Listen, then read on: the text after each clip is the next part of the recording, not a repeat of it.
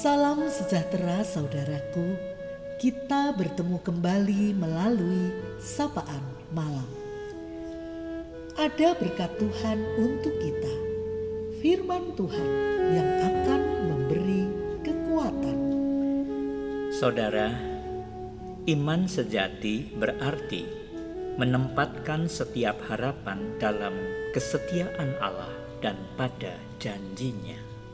Di malam yang hening ini, firman Tuhan Yesaya 49 ayat 4 hendak menyapa kita. Tetapi aku berkata, aku telah bersusah-susah dengan percuma dan telah menghabiskan kekuatanku dengan sia-sia dan tak berguna. Namun hakku terjamin pada Tuhan dan upahku pada Allahku. Saudara, ketika kita menyadari bahwa Allah mengasihi kita dan bahwa Dia memiliki rencana untuk hidup kita, sekalipun dikepung masalah, kita dapat berjalan dengan kepala tegak karena bersama dengan Pencipta kita, dan kita benar-benar tenang. Yesaya yang harus bersusah payah, dia bersaksi bahwa semua itu merupakan bagian dari perjuangan dan pelayanan. Pengalaman bersusah payah tetap dijalaninya dengan tekun. Dia menjalankan pengutusan dari Tuhan untuk memberitakan firman Tuhan yang tidak direspon dengan baik oleh umat Israel. Yesaya menyatakan bahwa sekalipun di tengah umat Israel tidak membawa hasil, namun yang penting menjalaninya dengan tetap setia. Yesaya menyatakan bahwa upahku pada Allahku. Yesaya percaya pada Tuhan ada jaminan dan masa depan. Yesaya menghadapi hari-hari yang sangat sulit.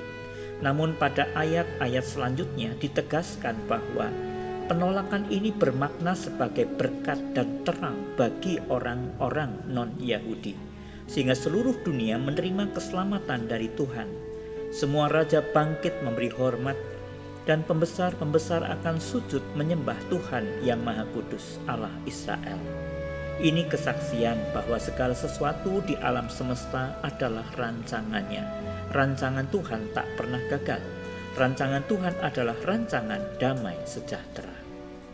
Penolakan Israel kepada Yesus dalam periode selanjutnya itu tidak membuat kasih Tuhan kembali kepada Allah dengan sia-sia, melainkan bekerja lebih luas. Yesus Sang Juru Selamat menjadi keselamatan bagi seluruh dunia, bukan hanya bagi Israel, akan tetapi untuk dunia, untuk segala bangsa jika kita mengalami penolakan dalam rangka menjalankan tugas panggilan kita. Janganlah kita kecewa dan berputus asa, namun teruslah bekerja keras melayani Tuhan, karena hak dan upah kita yang maksimal telah tersedia di hadapan Tuhan. Perjuangan yang tidak mudah adalah bagian dari pelayanan dan persembahan kita.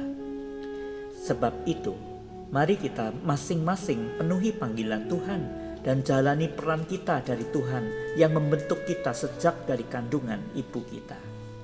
Jangan berhenti bersusah payah. Selama kita hidup, memang kita akan menghadapi masalah, tetapi kita melayani Tuhan yang memecahkan masalah.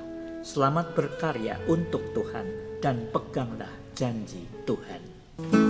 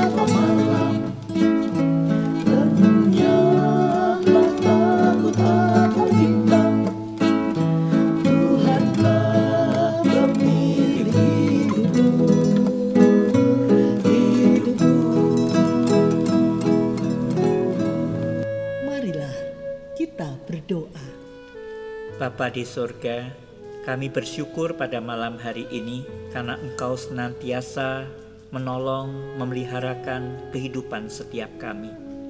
Bersyukur untuk firman Tuhan bahwa kami semuanya bekerja tidak akan pernah sia-sia ketika kami melakukan peran kami di dunia ini. Kami bersyukur bahwa sampai saat ini kami semua dituntun Tuhan mengerti ada undangan dan panggilan Tuhan, dan Tuhan tidak pernah tidak selalu menolong kami, bahwa perjuangan kami memang tidak mudah, namun perjuangan kami tidak sia-sia. Ada banyak hal yang tidak kami mengerti, ada misteri. Ketika kami tidak mudah melakukannya, bahwa Engkau tetap punya rencana yang indah di balik semuanya. Terima kasih Tuhan ajar kepada kami untuk memegang janji Tuhan. Kami berdoa untuk setiap keadaan. Tuhan menolong kami. Kami percaya Tuhan bahkan memberikan yang terbaik pada setiap kami. Malam ini kami akan beristirahat. Tuhan juga yang akan menguatkan dan menolong setiap kami. Berikanlah ketenangan. Terima kasih Bapa, terpujilah namamu. Dalam Kristus Yesus kami berdoa. Amin. Selamat malam saudaraku, penuhilah panggilan Tuhan, jalanilah peran kita dan layanilah Tuhan dengan penuh kesetiaan. Selamat beristirahat. Tuhan Yesus memberkati.